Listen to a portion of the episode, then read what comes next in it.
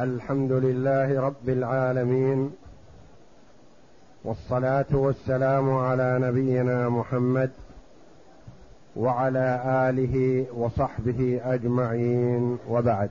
بسم الله بسم الله الرحمن الرحيم والصلاة والسلام على أشرف الأنبياء والمرسلين نبينا محمد وعلى آله وصحبه أجمعين قال المؤلف رحمه الله فإن خص فصل فإن خص بعض ولده لغرض صحيح من زيادة حاجة أو عائلة أو اشتغاله بعلم أو لفسق الآخر أو بدعته فقد روي عن أحمد ما يدل على جوازه لقوله في تخصيص بعضهم بالوقف لقوله, لقوله في تخصيص بعضهم بالوقف لا بأس به إذا كان على سبيل الحاجة وأكرهه إذا كان على سبيل الأثرة.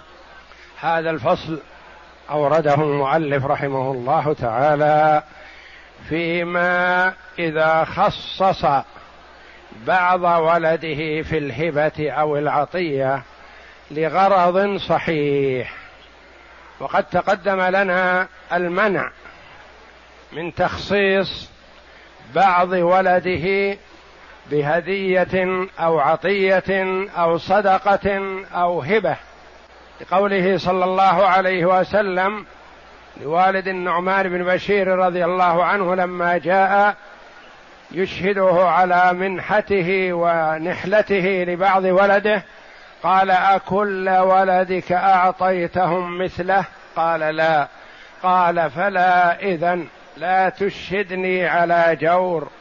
أشهد على هذا غيري. اتقوا الله واعدلوا بين أولادكم. فعرفنا أنه لا يجوز إعطاء بعض الولد دون بعض إذا كان على سبيل الأثرة أو المحبة أو لمؤثر آخر لا علاقة له بشأن بكون بمبرر شرعي.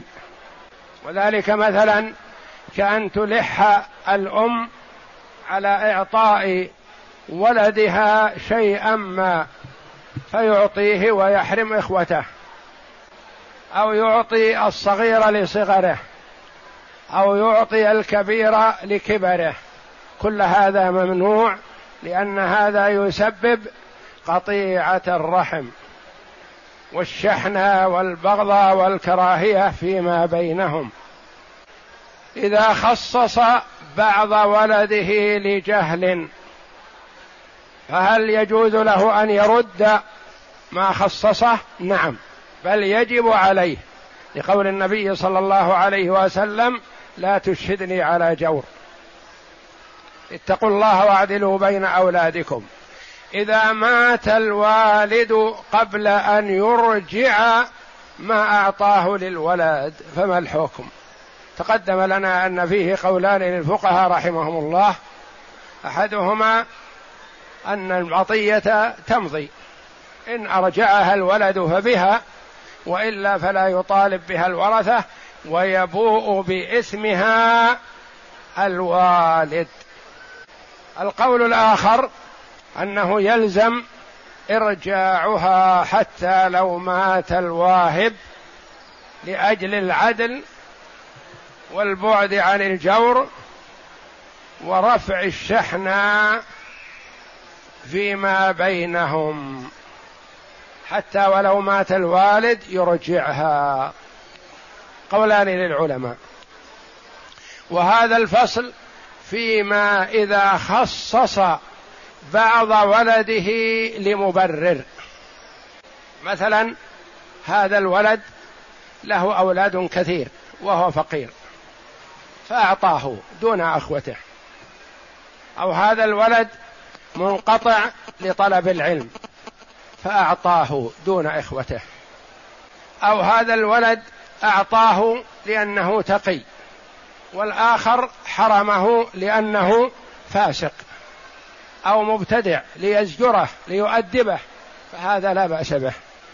أعطاه لأنه ينفق على نفسه بينما الآخرون عنده في البيت وينفق عليهم فلا بأس. لفعل أبي بكر الصديق رضي الله عنه حيث نحل عائشة رضي الله عنها نحلة. قال يا بنية إني قد نحلتك جذاذ عشرين وسقا من تمر. فلو حزتيه كان لك. ويا ليتك حزتيه. وأما الآن فمال وارث. اقتسموه على كتاب الله. فإنما هما أخواك وأختاك. اشتركوا فيه. فدل صدر الحديث على جواز نحلة بعض الولد إلى مبرر كما نحل أبو بكر رضي الله عنه عائشة لكونها أم المؤمنين ولكونها المنفق على نفسها ولكونها زوج النبي صلى الله عليه وسلم. فنحلها دون بقية أولاده.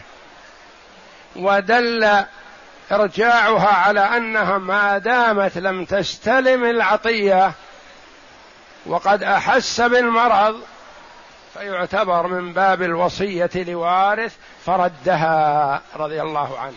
قال الآن لو حزتيه كان لك لكن الآن هو مال وارث. ما أتصرف فيه أنا.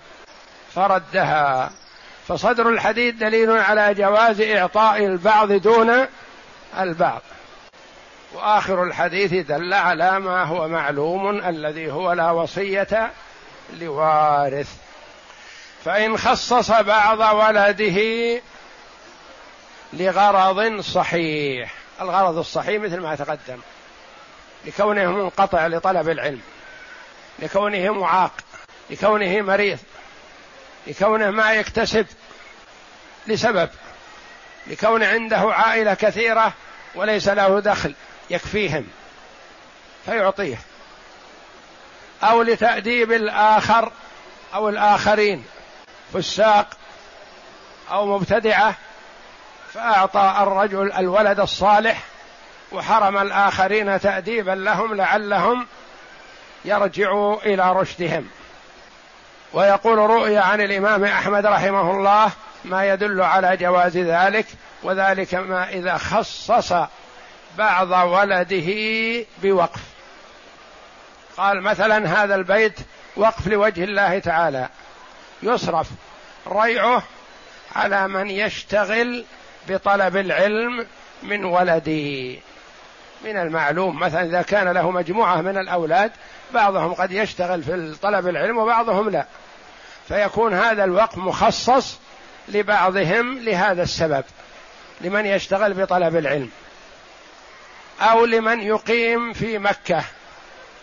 أو لمن يعمل في كذا يعمل في الدعوة إلى الله يعمل في التعليم ونشر العلم يكون ريع الوقف له. هذا جائز. يقول وأكرهه الإمام أحمد رحمه الله أكرهه إذا كان على سبيل الأثرة. هذا في الوقف. وأما العطية فيحرم. لكن إذا كان في الوقف قال وقف على أولادي من زوجة فلانة مثلا وحرم الآخرين. يقول هذا أكرهه لأنه آثر أولاد زوجة دون الآخرين. نعم.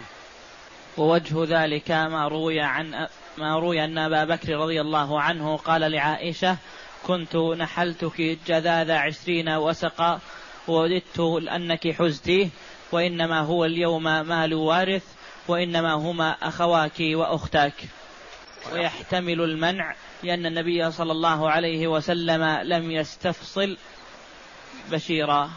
ويحتمل المنع من الإعطاء مطلقا يعني حتى ولو كان لمبرر شرعي. يقول لا يكفيهم الميراث. إذا كان ميراث يكفيهم ما تعطي الجميع. ولا تخصص واحدا دون الآخر حتى لو كان هذا مشتغل بطلب العلم وهذا لا فما تخصص واحدا دون الآخر. لأن النبي صلى الله عليه وسلم ما استفصل ولا قال لما أعطيته؟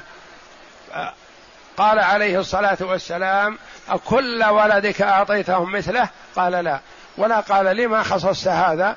قال لا تشهدني على جو أشهد على هذا غيري. نعم. ويحتمل المنع لأن النبي صلى الله عليه وسلم لم يستفصل بشيرا. نعم. فصل. والأم كالأب في التسوية بين الأولاد. أن الواهب بشير والموهوب له النعمان النعمان بن بشير. وذلك أن الأب وهب الولد وقالت الأم ما أرضى إلا أن تشهد رسول الله صلى الله عليه وسلم. فيحتمل أنها تريد أن تكون العطية شرعية ومشروعة ويحتمل أنها تريد تثبيت العطية. فكان استشارة وإشهاد النبي صلى الله عليه وسلم منعا للعطية عن إنفاذها. فصل والأم وال... كالأب وزوجة بشير بن النعمان هي أخت عبد الله بن رواحة رضي الله عنه وهم أسرة صالحة. من خيار الصحابة رضي الله عنهم وإسرة علم وفقه. فعبد الله بن رواحة رضي الله عنه لما خاصمته زوجته في أنه أتى جاريته على فراشها فغضبت الزوجة واعتذر بأنه لم يفعل شيئا فأكدت بأنه فعل فأكد أنه لم يفعل فقالت إن كنت لم تفعل فاقرأ علي قرآنا. لأنها تعرف أن الجنب ما يقرأ القرآن. وهو من هو رضي الله عنه لن يقرأ القرآن وهو جنوب يعرف المنع. فحدته وأحرجته. ماذا؟ كيف يتخلص؟ تخلص رضي الله عنه. قال أعوذ بالله من الشيطان الرجيم. شهدت بأن وعد الله حقا وأن النار مثوى الكافرين. وأن العرش فوق الماء طاف وفوق العرش رب العالمين. قالت خلاص خلاص يكفي. فصورت صور لها بأنه قرأ عليها قرآن وأخبر النبي صلى الله عليه وسلم فضحك. يعني من هذا التخلص أنه تخلص منها وإلا تغضب عليه رضي الله عنهم. لكن الزوجة فقيهة لكن ما حفظت القرآن كله. ولا تعرف أن هذا ليس من القرآن لو كانت حفظته. والأم كالأب في التسوية بين الأولاد لأنها أحد الأبوين فأشبهت الأب. نعم. هل الأم مثل الأب يحرم عليها أن تفضل بعض الولد على بعض؟ نعم.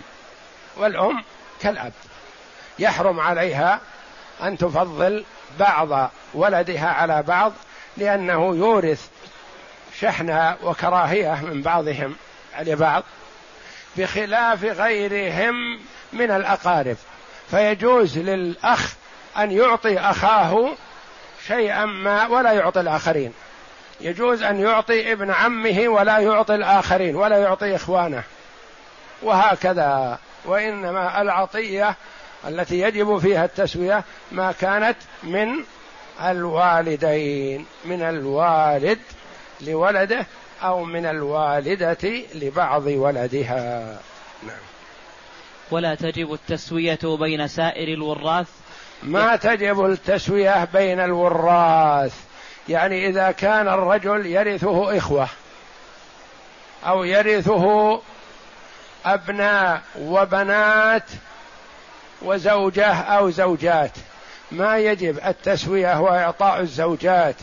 يعطي الزوجات ولا يعطي الأبناء والبنات ويعطي الأبناء والبنات ولا يلزم أن يعطي الزوجات. لكن ما يعطي بعض الأولاد دون بعض. التسوية بين الأولاد فقط ولا يلزم التسوية بين عموم الورثة. نعم. لأن النبي صلى الله عليه وسلم علم أن لبشير زوجة فلم يأمره بإعطائها حين أمره بالتسوية بين الأولاد. يعلم صلى الله عليه وسلم أن بشير له زوجة وهي أم النعمان وهي التي طلبت إشهاد النبي صلى الله عليه وسلم على العطية. ولا قال سو بين ورثتك أو لا سو بين أهلك أو أعطي الزوجة مثل ما تعطي الأولاد. لا ما يلزم هذا. نعم. فصل وما جاز بيعه من مقسوم أو مشاع أو غيره جازت هبته لأنه عقد يقصد يقصد به تمليك العين فأشبه البيع. قال وما جاز بيعه من مقسوم أو مشاع أو غيره جازت هبته. قال مثلا أحد الإخوة لأخيه الكبير أو الصغير أو الفقير ميراثي من والدي لك. ما يقال له ما هو الميراث كم؟ الميراث فيه نقود وفيه عقار وفيه أراضي وفيه أشياء ثانية. ماذا؟ يقول كل ما وردته من أبي فهو لك. هذه الأرض مشتركة بين مجموعة غير مقسومة. قال أعطى أحد شركائه نصيبه. قال نصيبي لك. سواء المشاع ما هو وما هو المقسوم. المقسوم المعروف. هذا بيت فلان وهذا بيت فلان. وهذه أرض فلان وهذه أرض فلان. هذا مقسوم. المشاع هذا البيت مشترك لهم كلهم. للأم ولأولادها مثلا. أحد الإخوة تبرع بنصيبه لأخيه أو لأخته أو لأمه فيجوز الحبة وإن كان مشاعا سواء كان الموهوب. مفرز مقسوم أو مشاع مشترك. نعم. لأنه عقد يقصد به تمليك العين. يعني ما أملكه أنا أعطيك إياه أيا كان مقسوم أو غير مقسوم. نعم. وتجوز هبة الكلب وما يباح الانتفاع به من النجاسات. هذا في هبة ما لا يجوز بيعه. هل يجوز بيع الكلب؟ لا, لا. لكن هل يجوز اقتناء الكلب؟ نعم. لمصلحة. كلب الحراسة كلب الصيد والماشية وهكذا. فيجوز اقتناؤه فيجوز هبته. لكن لو استغنى عنه الإنسان يجوز له أن يبيعه؟ لا. حرم ثمن الكلب. ما يجوز أن يبيعه. السماد والسرجين نوعان. سرجين أو سماد طاهر. سرجين سماد نجس. يجوز بيع الطاهر لأنه يستصلح للزراعة. لكن سرجين نجس ما يجوز بيعه لأنه نجس. لكن هل تجوز هبته؟ نعم يجوز هبته مثل الكلب. نعم. وما جاز بيعه. وما جاز بيع وما, يب وما جاز بيعه من مقسوم أو مشاع أو غيره جازت هبته لأنه عقد عقد يقصد به تمليك العين فأشبه البيع وتجوز هبة الكلب وما يباح الانتفاع به من النجاسات. من النجاسات يعني مثل السماد النجس. السماد الذي فيه نجاسة. تجوز هبته ولا تجوز بيعه لأن النجاسات ما يجوز بيعها. لكن سماد طاهر سماد إبل أو سماد غنم أو بقر يجوز بيعه لأنه سماد وطاهر وصالح للاستعمال لكن النجس اللي مخالط نجاسة بول أو غائط يحرم بيعه ويجوز هبته يستفيد منه أهل الزراعة. لأنه تبرع فجاز في ذلك كالوصية ولا تجوز كذلك الوصية يجوز أن يوصي بشيء مشاع ويجوز أن يوصي بشيء مخصص ويجوز أن يوصي به سواء كان معلوم المقدار أو غير معلوم المقدار ونحو ذلك نعم. ولا تجوز في مجهول ولا معجوز عن تسليمه ولا في المبيع قبل قبضه لأنه عقد يقصد به التمليك في الحياة فأشبه البيع ولا تجوز في مجهول. شيء غير معلوم. شيء غير معلوم. مثلا يقول التجارة الواردة إلي هي لك. ما يدرى هذه التجارة ما هي. ربما إذا جاءت ندم الواهب لأنه كان يظنها غير هذا. أو مثلا يقول ما يأتيني من كذا هو لك وهو لا يدري مثلا. ما يمنحني ولي الأمر هو لك. هذا مجهول. قد يمنحه شيء يسير وقد يمنحه شيء كثير. فالشيء المجهول ما تجوز هبته لأنه قد يورث الندامة والتأسف على الهبة حيث أنه ما كان يتصورها. أو معدوم لا يدرى ما هو ولا ولا يدرك متى يصل وهل يأتي. مثلا يقول ما تحمل به ناقتي هو لك وما حملت إلى الآن. ما في حمل. فما يدرى هذا معدوم. ما يدرى هل يوجد أو لا يوجد وهل يكون كذا أو يكون كذا. فالمعدوم لا يجوز. وكذلك غير المقدور على تسليمه. كطير في الجو أو سمكة في البحر. ما يجوز هبتها لأن ما تقدر ان تسلمها. والأصل في إذا وهبت شيئا أن تسلمه للموهوب له. ولا, ولا تجوز في مجهول. ولا تجوز ولا تجوز في مجهول ولا معجوز عن تسليمه ولا في المبيع قبل قبضه. ولا في المبيع قبل قبضه. ما يجوز أن يهب ما اشتراه قبل أن يقبضه إذا كان يحتاج إلى توفية لأنه ما يدرى على ماذا يكون قبضه وهل يتم أو لا يتم. فإذا قبضه جاز له التصرف وكذلك لا يجوز بيعه كما أنه لا يجوز للإنسان أن يبيع شيئا قبل أن يقبضه أيا كان نوعه. مثلا اشترى أرض في مكان كذا ولم يقبضها فهل يجوز له أن يبيعها؟ لا حتى يقبضها إذا قبضها جاز له أن يبيعها وجاز له أن يهبها فالهبة كالبيع إلا فيما يمنع بيعه ويجوز هبته ك كما تقدم كالكلب والسرجين النجس ويلحق بذلك مثل المصحف كتاب الله جل وعلا فهو يجوز هبته ولا يجوز بيعه لأنه إذا باعه فكأنه رغب عنه. وإذا اضطر الإنسان لشرائه فله أن يشتري وهو يحرم على البايع البيع فالبايع لا يجوز له أن يبيع. المشتري له أن يشتري لأنه راغب في كتاب الله.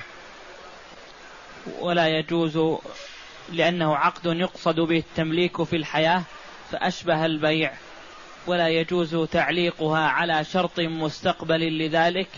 ما يجوز تعليق الهبة على شرط مستقبل لأنه لا يدرى أن تحصل أو لا يحصل وربما يحصل جهالة وغرر. فلا يجوز وإنما الهبة تكون فيما يصح بيعه. والحكم في الإيجاب والقبول فيها كالحكم في البيع على ما ذكر في بابه. على ما ذكر في باب أي باب؟ باب البيع. تجده في أول البيع. البيع يشترط فيه الإيجاب والقبول إلا ما تعارف الناس عليه من عدم الإيجاب والقبول. تقدم في أول باب البيع ذكر هذا أنه اشترط فيه صحة البيع الإيجاب والقبول. الإيجاب من البايع والقبول من المشتري. كذلك الإيجاب من الواهب والقبول من الموهوب له. إلا ما لا يشترط فيه إيجاب ولا قبول كما تعارف عليه الناس في المعاطاة مثل مثلا الخبز والأشياء المسعرة المعلومة تأخذ الشيء وتضع قيمته وتمشي. وربما تدخل المحل ولا تتكلم بكلمة تأخذ ما تريد وتضع قيمته وتمشي. ما تقول بعني هذا؟ ويقول بعتك إياه بريال تقول قبلت وخذ الريال. لا ما يلزم هذا لأنه شيء متعارف عليه. لكن في مثل مثلا الأشياء ذات القيمة. ما تقول مثلا يقول عنده أرض يريد بيعها مثلا كتب له شيك مليون وأعطيته إياه.